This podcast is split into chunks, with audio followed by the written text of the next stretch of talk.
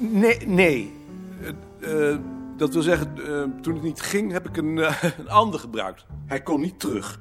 Dat is te zeggen, hij kon niet terug. Een ander zou het misschien nog hersteld hebben. Ontevreden liep hij het gebouw weer uit met één knip meer dan hem toekwam. Hij vond het belachelijk om daar zo'n zaak van te maken, maar dat verhinderde niet dat het zijn humeur grondig bedierf.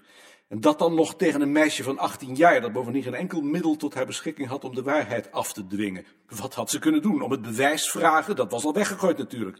Uitzichtloos. Vervolgens bedacht hij dat hij die knip natuurlijk zou kunnen vernietigen. Het irriteerde hem dat zoiets kinderachtigs hem zo lang bezig hield. Alsof vernietigen iets aan de zaak veranderde. Het ging niet om die 50 cent. Er stond een belangrijke zaak op het spel. En voor belangrijke zaken ging hij geen 50 cent weggooien zonder dat iemand daar beter van werd. Niettemin bevredigde deze redenering hem niet. Hij probeerde zich te herinneren of hij niet ooit in het verleden twee knippen voor één rit had gebruikt. Per ongeluk, zodat deze knip als een eh, uitgestelde knip kon worden beschouwd. Maar hij herinnerde zich alleen keren dat hij de tram belazerd had. Heel wat keren zelfs. Al moest hij er wel ver voor terug. Hoewel, hoe vaak had hij een overstapje nog gebruikt, hoewel het eigenlijk al verlopen was? Gek genoeg bracht die vaststelling weer enig evenwicht in zijn gedachten. In ieder geval maakte ze het weggooien van die ene knip tot een zinloos gebaar. Of misschien was het alleen zo dat hij intussen zo ver van het gebouw van de gemeentetram verwijderd was dat het zijn macht over hem verloren had. Hé, hey, Karst. Je bent alleen? Muller is ziek en Asjes is vandaag naar de bibliotheek. Je bent lang ziek geweest. Ziek is het woord niet, maar het heeft me wel aangepakt. Wat heb je gehad? Een kleine ingreep. Maar het grijpt je toch meer aan dan je denkt. Wil je koffie? Nou, als je hebt, dan wel graag. Meneer Wichbold, hebt u een kop koffie voor meneer Buitenrust Hettema en voor mij? Het is eigenlijk nog te vroeg. Ik weet niet of het nu al klaar is. Vast wel. Dank je. Nee, ik moest hier toevallig zijn en toen dacht ik, ga maar even langs. Waar moet je zijn? Ik zou natuurlijk kunnen zeggen, dat gaat je niks af, maar ik moet in het museum voor de tropen zijn. Voor je waaiangpoppen. Ook voor mijn wajangpoppen, maar ik moet ook een paar mensen spreken. Schiet dat nou wat op? Zoiets gaat altijd langzamer dan je zou willen. Ik ben nu bezig om het tweede deel te herschrijven. Dat is nog een heel werk. Het heeft toch drie delen? Het had er drie, maar dat worden er nu waarschijnlijk vier. Hoe gaat het met zien? Goed. Hoe ver zit ze nu nog van dat doctoraal? Een jaar of drie. Dat is toch veel te lang. Ze werkt natuurlijk ook nog. Daar zou ze dan toch eigenlijk van vrijgesteld moeten worden. Ik denk niet dat ze dat zou willen. Daarvoor heeft ze te veel plichtsbesef. Ja, als ze goed zijn, dan hebben ze plichtsbesef. Niet altijd. Nee, niet altijd. Ik bedoel, ze hebben ook wel eens plichtsbesef zonder goed te zijn. En Eh, met Anton gaat het nog altijd hetzelfde? Ja.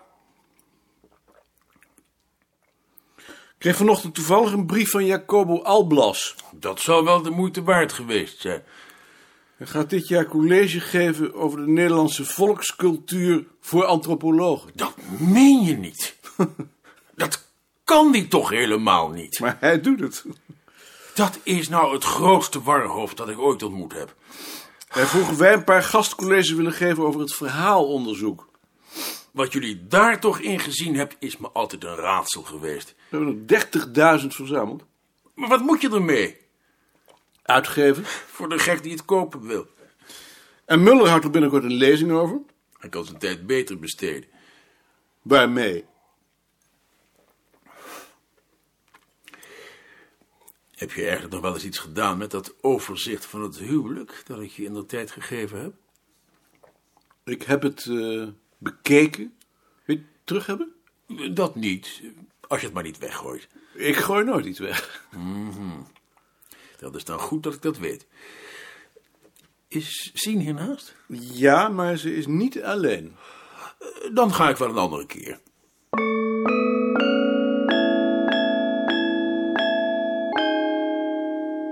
Dat was Bertus Hettema. Heb je nog verteld van die brief van Alblas? Alblas is volgens Buitenrust Hettema het grootste warhoofd dat hij ooit ontmoet heeft. Nou, dat moet hij zeggen. Maar hij zal het zeker wel gek gevonden hebben dat hij dat niet eerst met jou overlegd heeft. Nee. Waarom zou hij dat moeten overleggen? Omdat het ons terrein is. Hij is daar wetenschappelijk medewerker, dus hij kan doen wat hij wil. Wat ga je hem nu antwoorden? Dat moet Altmaar beslissen. Het is zijn onderwerp. Nou, dan maakt het zich zo wel gemakkelijk. Ach, net zolang als het breed is. Die verhalen hebben voor hem natuurlijk een heel andere betekenis. Hm, Wat is voor hem dan de betekenis, denk je? Dat weet ik niet. Hij is antropoloog. Hij interesseert zich dus voor sociale structuren. Ik vermoed dat hij denkt dat hij die in die verhalen zal aantreffen. Maar daar interesseren wij ons toch zeker ook voor? Wij interesseren ons overal voor. En als hij die er nou in aantreft, dan profiteert hij wel van het werk dat wij gedaan hebben. Die treft er niet aan, want het zijn rudimenten. Die verhalen worden al lang niet meer verteld. Dat zijn herinneringen. We weten absoluut niet door wie ze verteld werden, waarom ze verteld werden, of ze wel verteld werden, wat die man of die vrouw ervan onthouden heeft. Wij weten niets. Dus ze zijn waardeloos. Ik vrees dat ze behoorlijk waardeloos zijn. Maar waarom verzamelen we ze dan nog? Omdat we ermee begonnen zijn. Kan ik de kopjes krijgen? Maar we moeten het toch kunnen verdedigen? We moeten natuurlijk argumenten zoeken om het te verdedigen. En die vinden we ook wel. Dat is een kwestie van er even voor gaan zitten. Het probleem is dat we begonnen zijn met het verzamelen van die verhalen omdat de theorie was dat ze eh, gegevens over het verleden bevatten. Daar geloof ik niet meer in. Je moet ze dus zien als een tijdopname. Maar omdat ze al rudimenten waren toen we ze optekenden, weet je zo weinig over een functie dat je er niet van mee kunt. Eigenlijk zouden we de verhalen moeten optekenen die de mensen elkaar nu vertellen. In hun context, maar dat is meer wat voor antropologen. Dus we zitten ermee. Dat doet allemaal geen bliksem toe, zolang je maar bezig bent. En de mensen de illusie kunt geven dat het zin heeft. nou, zo zie ik het niet hoor. Dat hoeft ook niet. Maar wat vind jij dan dat we moeten doen? Ehm, wij houden ons bezig met tradities. Voor een samenleving, maar ook voor mensen persoonlijk, zijn die van groot belang, anders worden ze gek. Dan kun je twee dingen doen. Of je kijkt hoe ze op een bepaald moment functioneren, dan ben je antropologisch bezig. Of je kijkt hoe ze in de loop van de tijd veranderen onder invloed van de veranderende omstandigheden. Dan ben je historisch bezig. Maar eh, historici interesseren zich daar tot nu toe nauwelijks voor, dus we zitten op rozen. Maar het gaat toch om de mens? Ja, dat zegt buitenrust Hettema. Maar dat is een etoloog, geen cultuurhistoricus. Wij zijn cultuurhistorici. Maar het is helemaal niet zo belangrijk. Als het kwaliteit heeft wat je beweert, dan maakt zie je niks. Ja, dat zeg jij. Dat is toch genoeg? Maar is dat nou wel wetenschap wat hier gedaan wordt? Natuurlijk is dit geen wetenschap. Ik vind dat je niet aan Alblas kunt schrijven dat Ad ziek is. Waarom niet? Omdat Ad nu verantwoordelijk wordt als we niet op zijn verzoek ingaan. En als altijd nu verantwoordelijk voor is? Dan had je het nog niet mogen schrijven. En ik vind ook dat je de brief van Alblas niet aan de dames had mogen laten lezen... voor wij daarover met z'n drieën een gezamenlijk standpunt hebben bepaald. Moet ik het dan moeten schrijven? Je had niets moeten schrijven. Je had moeten wachten tot Ad weer beter was. Dat kan nog wel één of twee maanden duren. Dat weet ik niet en dat interesseert me ook niet. Maar mij interesseert het wel. Alblas is ons altijd welgezind geweest. Ik vind niet dat ik hem zo lang op antwoord kan laten wachten. Daar ben ik dan niet met je eens. Ik zou er nog eens over denken, maar ik denk dat ik hem verstuur. Hoe was uw vakantie, meneer Gaard? Oh, dat was heel aardig. Ja, heel aardig. Waar bent u geweest? In Genève. In Genève. Ja, in Genève. Toch niet alleen? Nee, niet alleen. Met mijn zuster.